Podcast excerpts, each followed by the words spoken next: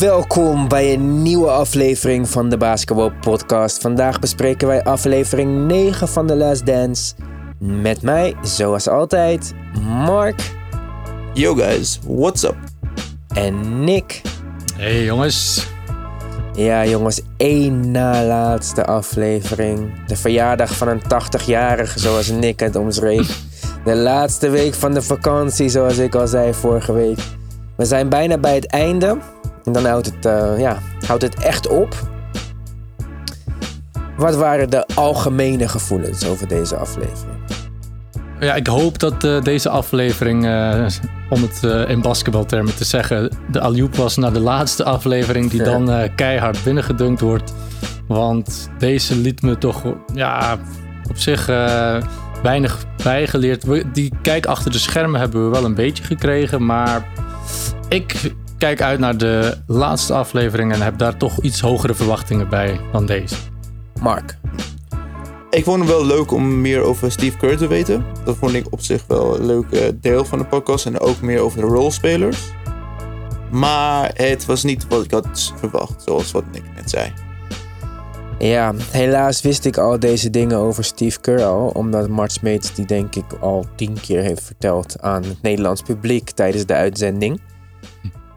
Op zich vind ik het elke keer leuk als ik beelden zie die ik nog niet heb gezien, maar vooral van de wedstrijd. En in deze aflevering was het weer zo'n compilatie van fragmenten wat bijna op... Kennen jullie nog die film Seven? Waarvan je van de ene naar de andere scène ging en niet wist wat er aan de hand was. Zo'n gevoel krijg ik af en toe bij deze documentaire. Wel een goede film. Ja, een hele goede film. maar dan die... documentaire. Ja, ik, ik weet het niet jongens. Ik heb toch echt de hele tijd het gevoel dat dit een beetje ehm, haastig in elkaar is gezet. Bij eh, gebrek aan eh, betere omschrijving. Ja, ik denk deze laatste afleveringen vooral dat die nog snel in elkaar gevallen. Het, le- het leek bijna alsof ze het erom deden dat ze het heel verwarrend wouden maken. Maar Ja, de laatste Ja. aflevering was pas vorige week zaterdag afgemaakt. Ah. Ja, Dus, maar eh, uiteindelijk had het ook nu moeten worden uitgezonden, toch? Ja, Want Ach, het zou tijdens de playoffs uitkomen. Dus zoveel minder tijd hebben ze ook weer daar niet voor gehad.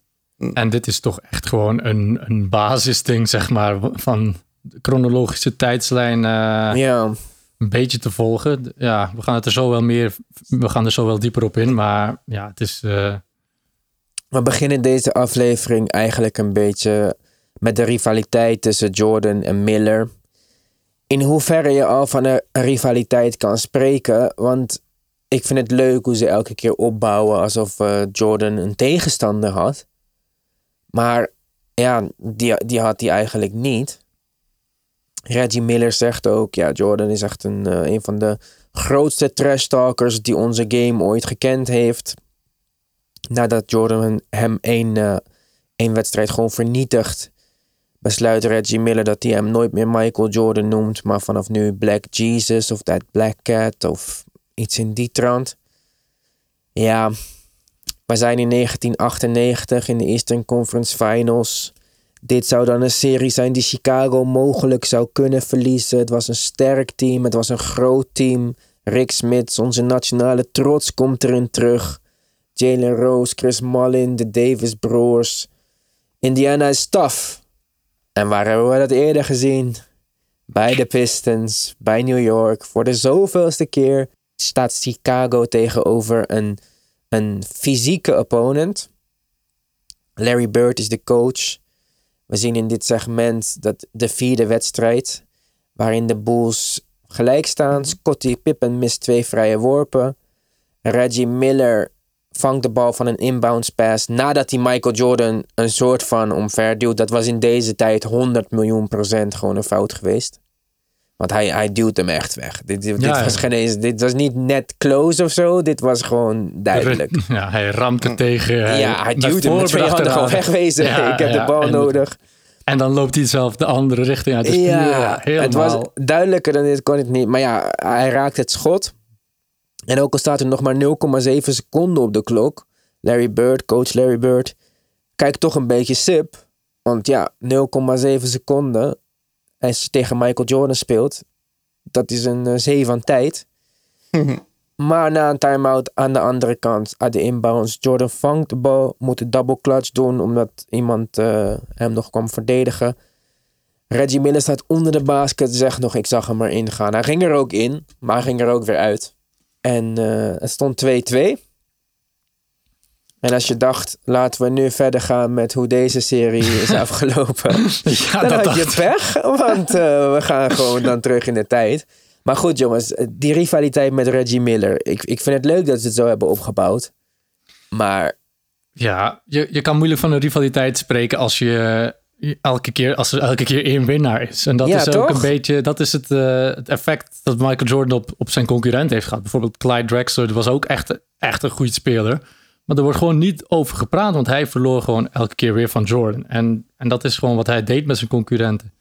Ik vond het wel leuk om te zien. Reggie Miller ja, is wel een uh, guy you love to hate. Heeft een beetje weg van, uh, van Paul Pierce op dat vlak. En, uh, een beetje eh, van niemand schrik uh, gezicht om op te slaan bijna. een beetje atypische iets intelligenter voor mij dan Paul Pierce. Paul Pierce doet nog een beetje stoer en zo voor zonder ja, reden. Reggie Miller wel, kan, kan wel dingen goed verwoorden en zo. Dat misschien wel, maar mocht ik ze allebei op straat zien lopen, zou ik Reggie Miller niet gelijk de... de geen handtekening vragen? Geen handtekening vragen, maar ook niet als slimmer zien dan Paul Pierce. Maar goed, ja, dat, uh, ja, dat is gewoon de, de MJ-effect geweest op zijn concurrentie. En dat uh, is heel duidelijk geworden deze documentaire. Ze probeerden dan nog wel uh, zijn concurrentie, zijn tegenstanders een beetje op te praten.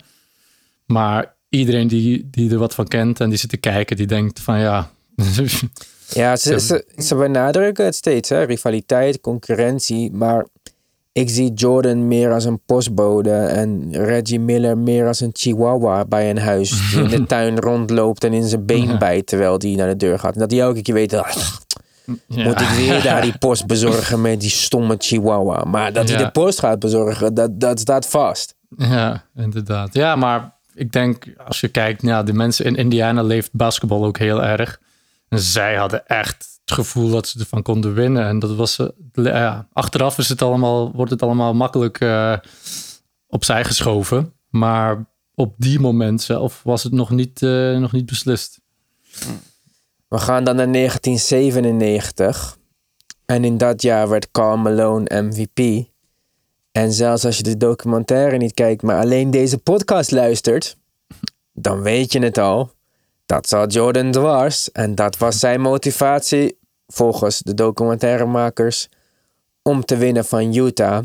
Volgens mij is een motivatie gewoon het winnen van een titel. En misschien heeft hij. Ja, ik weet het niet. Het kwam op mij zo.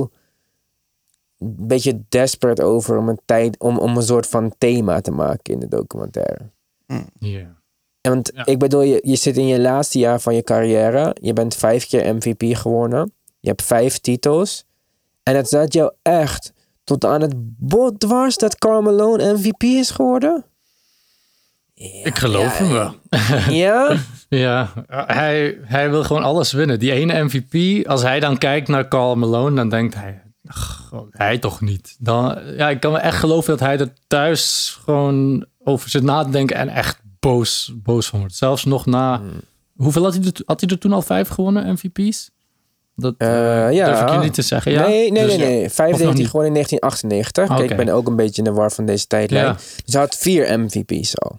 Ja, dus ja, ik weet het niet. Uh, alle, alles stelt natuurlijk. Uh, wie had er vijf MVP's? Was dat Kareem Abdul-Jabbar? Kareem had zes. Dus, of zes. Dus ja, hij wou elke... Alles wat hij verdiende, zeg maar. Alles wat hij, waar hij recht op had. Uh, als, als dat hem werd afgenomen, dan kwam er wraak. En deze keer was het niet anders. Het wordt wel een beetje vermoeiend, vind ik. Ik, ik snap dat het waarom hij zo goed was, maar na tien afleveringen elke keer gewoon alles kleine dingen of grote dingen of alles. Ik snap waarom het was moeilijk om met hem te spelen. Alsof het dan niet ingewikkeld genoeg was dat we vanuit 1998 naar 1997 gaan, krijgen we ook nog een anekdote voorgeschoteld uit de periode dat hij honkbalde. Want terwijl dat hij aan het honkballen was, kwam de Utah Jazz bij de Chicago Bulls op bezoek. En Jordan gaat langs de trainingszaal om hallo te zeggen tegen John Stockton en Carl Malone. Is daar een uh, jonge Brian Russell Die tegen hem zegt, ja, je, je, je moest stoppen, hè? Want je wist dat ik je kon verdedigen. Waarop Jordan tegen Carmelo zei van, wat is dit? Nog een chihuahua erbij. ja, nog een chihuahua. Ah, En eh, diezelfde Brian Russell gaat Jordan dan verdedigen. Uiteindelijk. Ja, dan komen we weer uit eh, bij hetzelfde als eh, dat we al eerder hebben besproken. Hij heeft weer een, een vuurtje aangestoken. ja, En eh, ja, inderdaad. En ook grappig hoe MJ gewoon, hem, hij weet gelijk wat voor verdediger hij is. Hij zegt ja, een head fake, one dribble pull-up. ja, makkelijk gezegd, maar doe dat maar een keertje nadat je al 48 minuten tegen elkaar aan het spelen bent. Maar ja, zo gezegd, zo gedaan. Hij doet het weer.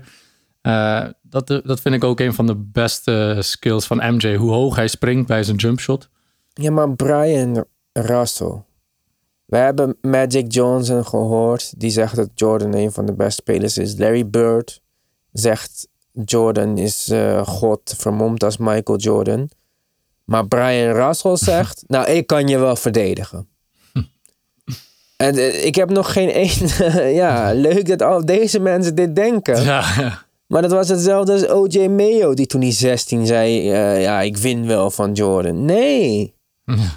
Wat denk je wel niet, man? Goed, dan komen we bij de flu game. Een van de bekendste momenten in basketbal aller tijden. Wedstrijd dat Jordan zou hebben gespeeld met koorts. Er zijn altijd al rumors over geweest dat het geen koorts was, maar dat het eh, alcohol was of Ja. eh, iets in die richting. Goed, dat hebben we eigenlijk al in deze hele documentaire een beetje ontkracht. Al die conspiratietheorieën van alcohol, gokken en al het gedrag wat niet aansluit bij een profsporter. Het kwam dus volgens deze documentaire en volgens de mensen die vandaag aan het woord kwamen, waaronder Tim Grover, zijn persoonlijke trainer, door food poisoning, de voedselvergiftiging. Jordan kreeg honger in Utah op de hotelkamer. Er was niks open, ze belden rond. Was er nog één pizzatentje open? Daar bestelden ze een pizza. Die werd eh, door vijf mensen tegelijk bezorgd. Die allemaal de kleedkamer in probeerden te kijken en zo. Of eh, de hotelkamer. Ja, dat zou goed kunnen natuurlijk. Eh, vervolgens eet Jordan in zijn eentje de hele pizza op. Gaat slapen en wordt eh, rond een uur of twee, drie s'nachts wakker met eh, ongelofelijke buikpijn, hoofdpijn, koorts. Moet overgeven, belt Tim Grover. Tim Grover zegt, eh, haal de teamdokters erbij. Zelfs later komt zijn moeder er nog bij. Ik weet niet waar die opeens vandaan is gekomen. maar, ja, als het kindje ziek is, dan, eh dan komt ja, de die kwam. Soft Kitty zingen eventjes. Ja, Jordan eh, voedselvergiftiging, niet meegaan aan de warm-ups. eh zei tegen Phil Jackson, ik wil toch spelen. Ook al ben ik maar gewoon een, een decoy. Ook al ben ik maar een, een afleiding, iets. Nou, zelfs eh met koorts was hij onmenselijk. In 44 minuten die hij uiteindelijk speelde, wat al op zich een topprestatie is, zelfs als je gezond bent, scoorde hij 38 punten. Bijna de helft van de punten van, van het hele team. Ja, dus wat het ook eigenlijk is, of het nou waar is of niet, dat het food poisoning, wat het ook is, het maakt niet uit. Ja. Maar het is een Ja. play-off wedstrijd waarin je 44 minuten speelt terwijl je je niet goed voelt en je scoort 38 punten. Ja, inderdaad. Laten mensen maar denken over wat, het, eh, wat de er oorzaak zijn, was. er zijn 7 miljard mensen op deze wereld die dat in hun piekconditie niet kunnen. Precies.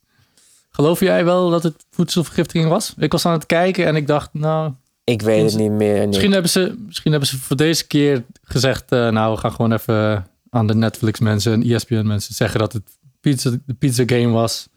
Maar het kan best wel zijn dat ze gewoon samen er een eh, gezellige avond van gemaakt hebben. Kijk, Denk- weet je wat het is? Vroeger dacht ik dat Michael Jordan perfect was. Heilig. Ja, want dit, ja, ten eerste was ik, had ik geen internet. Ik keek gewoon videobanden. En dit, dit was de beste sporter die ik ooit had gezien. En een van de mooiste basketballers die ik ooit heb gezien. Met een uitstraling en een charisma. Ja, wat je misschien één op de miljoen keer tegenkomt. Hm. Michael Jordan heeft dat. Michael Jackson. Ja, het, het zijn maar een paar uitschieters van deze hele planeet vol met mensen die, die dat stukje speciaal hebben. Ja. En meestal bij dat soort mensen is het wel wat je krijgt voorgeschoteld. En het was in die tijd nog vrij makkelijk om dingen verborgen te houden. Want er waren geen cellphone of mobiele telefoons met camera's en dat soort dingen. Dus je krijgt een perfect plaatje gepresenteerd. En ik vind de manier waarin ze, waarop ze in deze podcast alles ontkrachten. Er is letterlijk niks fout aan hem. Alles wat we de laatste 25 jaar gehoord hebben, wat boven tafel is gekomen, is echt niet waar. Zelfs het gokken valt eigenlijk wel mee. Het was, hij, het was eigenlijk geen probleem. Hij houdt van gokken, omdat hij houdt van competen. Over drinken, roken hebben we het helemaal niet. Vrouwen hebben we het helemaal niet. En dat geloof ik niet. Als je mij over één ding had gezegd dat hij menselijk is, op één heel moment na, dan had ik nog gedacht: oké, ja, misschien wel. Maar dit geloof ik niet. Het is too much van het goede. Ja, hij heeft de hele verhaallijn komt uit MJ, zeg maar. Alles wat hij benadrukt wou zien, komt aan bod in zijn, wat in zijn voordeel speelt. Maar als je vijf andere mensen die documentaire laat maken, komt hij denk ik wel een pakje menselijker uit. Maar het is gewoon hij, hij die het eind, eh, hij moet het groene licht geven. En ja, voor hem is het heel simpel. Alles wat hij zegt komt erop neer, bewijst dat hij de beste ooit is. Ja, en dat is eigenlijk dan zijn flaw, waardoor mensen volgens hem hem niet leuk zouden vinden, is dat hij gewoon ja, te, hard. te hard werkt. Uh, ja, het is ja, hij werkt zo hard. Ja, dit is eigenlijk heel stom. Maar stiekem is hij hier ook gewoon trots op. Ja, precies, precies. Dus, Want hij is uh, gewoon, als je kijkt naar zijn Hall of Fame speech, die niet zo lang geleden heeft plaatsgevonden. En dan was hij ook al 50 of in ieder geval 40 plus. Toen vond hij het ook nog nodig om uh, teammates van high school te vernederen en zo. Dit is gewoon wie hij is. Ja.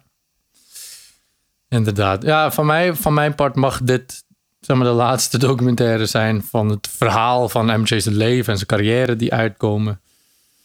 Want ja, we weten nu gewoon alles. Alles is gezegd. Alles was eigenlijk al gezegd, maar ze hebben er nu nog uh, hier en daar iets, iets aangebreden.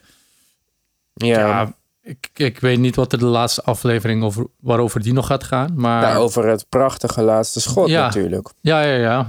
Een uur lang. Uh, ja, oké, okay, ja, waarschijnlijk wel. Zeker waarschijnlijk wel. en waarschijnlijk nog iemand die dat heeft aangewakkerd. En... ja, ja, inderdaad. Goed, over wie we nog niet zoveel wisten, misschien, sommige mensen. Niet de mensen die naar Ziggo kijken, want die hebben dit verhaal al van Mart Smeets gehoord. Uh, Steve Kerr kwam even aan bod. Een soort van mini-documentaire in de documentaire. Mm. Ging over Steve Kerr en zijn rol binnen de Bulls. Steve Kerr werd laat gedraft, uh, geen hoge pick. Niet, uh, kreeg maar één scholarship over vanuit high school. Dus het, was allemaal net aan, net aan, net aan. Werd gedraft door de Phoenix Suns. Um, zag bij de Bulls John Paxson en dacht: kijk, dat is een beetje het, het rolmodel wat ik moet volgen. Ik word nooit een franchise player. Ook John Paxton zegt: Ik wist na een aantal maanden dat ik niet de franchise player zou worden. Hm. En Kerr komt uiteindelijk bij de Bulls in het laatste jaar van Paxton. Paxton neemt hem onder zijn hoede en zegt: Als je wilt slagen, moet je ervoor zorgen dat Jordan jou vertrouwt. Dat jij de man bent die doet wat hij moet doen op het moment dat het moet gebeuren. Nou ja, zo gezegd, zo gedaan later. Maar eerst gaan we nog even terug in de tijd, zoals gewoonlijk. Steve Kerr, vader, diplomaat, uh, scholar in Middle Eastern, nog wat? Libanon. Libanon, Beirut. Ja, maar uh, wat was oh, de hij? studies die hij... Uh, hij was uh, iets expert in Midden-Oosterse cultuur of zo. Ja. Gaat naar Beirut op een moment dat het al niet zo veilig is. Kerr blijft in college. Familie gaat mee. Kerr's vader wordt gekidnapt. En ja, uiteindelijk komen we erachter dat hij vermoord wordt. Grote impact op Keur. Logisch natuurlijk. En dat is dan iets wat hij een soort van gemeen heeft met Jordan. Ze hebben allebei een vader verloren. Ja, zoals ik al zei, ik, ik heb dit verhaal al vaak van Mart Smeets gehoord. Dus het sentimentele gedeelte kwam niet super hard aan bij mij. Omdat, ja, ik, ik kende het al, zeg maar. De eerste keer dat ik het hoorde, vond ik het heel heftig. Maar ja, ja, nee, inderdaad. Mijn vriendin die kwam toevallig erbij liggen op dat moment. En dat, dat stuk heeft ze helemaal meegepikt. En uh, nee, dat, dat was wel... Als je het voor de eerste keer hoort, dan uh, laat het zeker wel een, eh, een indruk na. Ik had het wel een keertje gelezen, dus het kwam niet helemaal als verrassing. Maar ja, toch, uh, ja, het is ook denk ik omdat Steve Kerr nu zo succesvol is dat ze zijn deeltje misschien nog een keertje. Ja, want in principe was hij net als Judd Butler of zo. Ja, ik een- weet nog steeds niet hoe we dit uitspreken, maar eh, Ja, gewoon een roleplayer die, eh, die klaar moet zijn als, als, als ze hem nodig hebben. En hij was er klaar voor, want eh, in 1997 raakte hij een heel belangrijk schot. Jordan wordt gedoubleteamd door John Stockton. Zei al daarvoor in de timeout, Steve, blablabla, be ready. Hij mompelde iets en Steve zei, yes, I'll be ready, heel enthousiast. Oké, Mike. I got. Eindelijk, I got you. Hier hebben we voor getraind. Ah, ja. En ja, zo gezegd, zo gedaan. Zoals Jordan voorspelde, werd gedoubleteamd. Kikt de bal naar Steve Kerr. Neemt nog twee passen. Neemt hem ergens in de kop van de bucket. En schiet raak.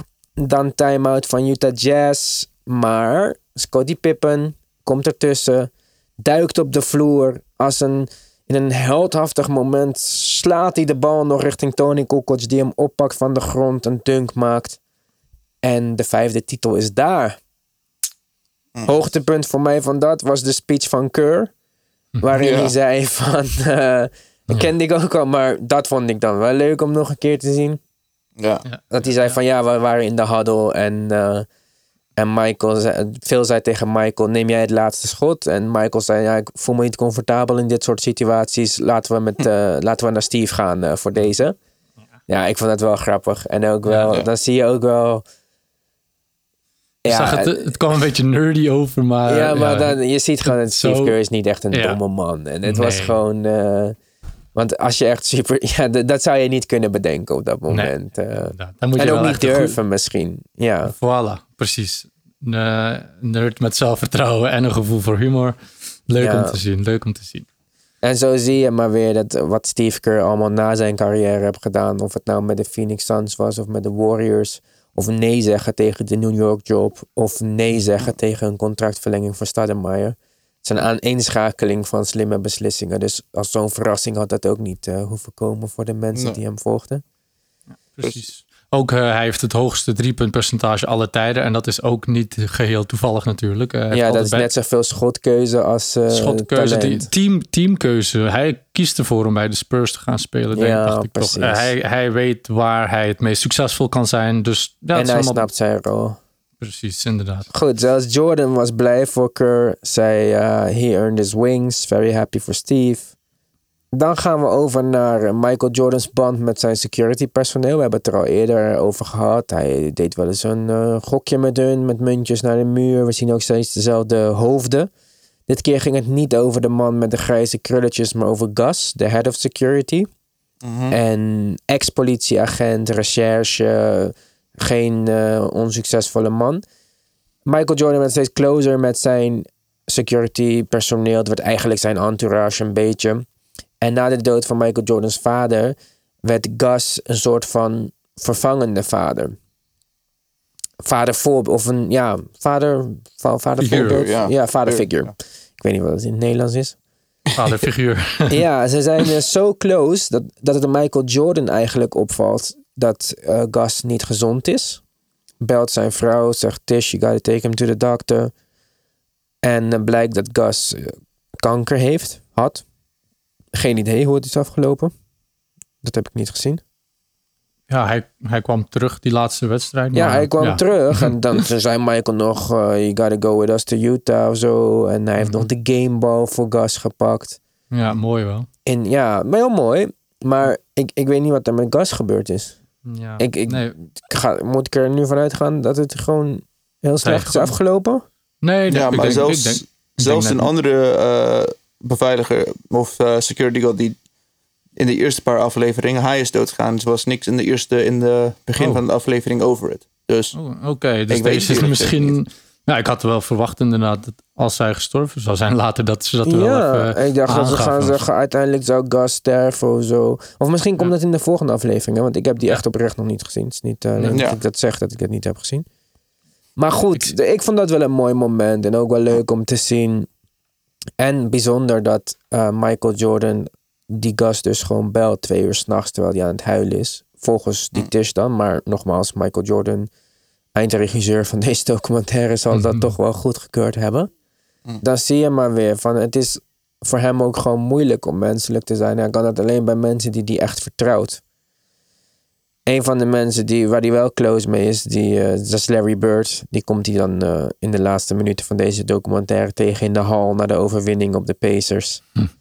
En eh, zegt nog iets van fuck you of zo. Eh, nu kan je aan je golfgame gaan werken. En, eh, Maar dat is gewoon eh, ja, toch een beetje Natrappen met ja, een, met en het zijn op hetzelfde level van twee Ja. mensen. Dat, dat kan je niet doen als je niet echt. eh, Ja.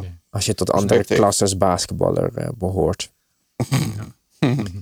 Ja, hij zei op voorhand van ja, we will win game 7. Hoe hij op voorhand met zoveel zelfvertrouwen dat zegt, dat zie je ook gewoon niet meer in de NBA dag van vandaag. Kan je toch niet voorstellen dat iemand gewoon... Dat is een soort van trash talk eh, met de media een beetje, zeg maar. Hij al... eh, LeBron is Ja. heel voorzichtig. En LeBron en of zelfs... Ja, Ja, maar. LeBron, kijk, LeBron is zo'n. Er staat zoveel op het spel voor LeBron. LeBron is veel meer about de hele fabriek LeBron dan alleen het spel. Ja, maar, precies daarom... Ja, maar er was ook een hele fabriek Jordan, maar... het- Ja, maar wel gewoon- anders. Er was een fabriek om Jordan heen. Maar LeBron is echt het onderdeel van, het, van Ja, de maar- fabriek. Hij doet zoveel aan zijn marketing, zoveel aan... Alle tweets die hij stuurt zijn altijd rekening houdend met. Als Michael Jordan Twitter had gehad, hoe vaak had hij dan al niet gestuurd van... Wacht Ja, maar, tot hij dat tegen Ja, mij dat had hij sowieso niet gedaan. Ja, maar Nee, maar is gewoon een andere wereld. Hè? Je kan het niet vergelijken. Dat had hij zeker niet gedaan. Want dan had hij zoveel marketing dingen achter hem. Dat zeiden zeggen, nee, dat mag niet. Do, do, do. Daar, daar ben ik het deels mee eens, maar deels ook niet. Want Michael Jordan was zo'n klootzak in de kleedkamer Ja. op het terrein. Maar eh, ik heb ergens gehoord van ja, hij, hij had drie uur nodig om zich eh, klaar te maken na, de, na elke wedstrijd. Dan kwam hij buiten met de reporters aan het praten. En dan moest hij ook zijn perfecte imago hoog houden. Dus hij, hij was er echt wel heel erg mee bezig. Goed. Gaan we op naar de laatste aflevering. De, eh, het laatste uur waarin alles aan elkaar gebreid moet worden. Als je één ding moest noemen wat je echt, echt wilt zien in deze laatste aflevering. Kort. Wat wordt het dan? De laatste 40 seconden. Dus de, de, de shot, de steal en de winner. Allemaal in één sequence, zonder gewoon onderbreking. Gewoon dat, gewoon om, dat is, gewoon, dat is een perfecte imago van Michael Jordan als een speler. Nick? Mm, bij mij echt het uur voor de wedstrijd. Want het is altijd, eh, we laten alles zien als hij het al gedaan heeft. Maar dus, een- ja, hij moet ook zenuwen hebben. Hij moet ook menselijk zijn. Zijn voorbereiding, hoe, hoe pakt hij dat aan? Ik denk dat daar mensen veel uit kunnen leren. Hoe sterk hij in is, hoe, hoe hij het een beetje, eh, ja, hoe hij daar naartoe leeft, zeg maar. Dus daar ben ik wel benieuwd in. Eet hij nog een banaantje of weet ik veel, eh, wat, wat doet hij precies? Ja. Ik wil echt eh, ja, de, de, die kant van het verhaal zien. Ik wil gewoon iets nieuws zien. Wat dan ook. Al is het maar dat hij voor elke wedstrijd eh, het lichtknopje drie keer aan en uit deed. Laat me gewoon iets zien wat ik niet weet. Alsjeblieft, alsjeblieft, alsjeblieft. Deze laatste keer. Goed jongens, voor vandaag was dit hem. Wij zijn woensdag weer bij jullie terug. In de tussentijd, 5 sterren ratings op Apple Podcasts worden van harte gewaardeerd. Eh, Instagram dingen, At de Basketball Podcast. Facebook dingen. Hetzelfde, at de basketbalpodcast. Likes, comments, berichten, alles is leuk, alles is welkom. Voor nu tot ziens en dan tot woensdag. Yo guys. Yo.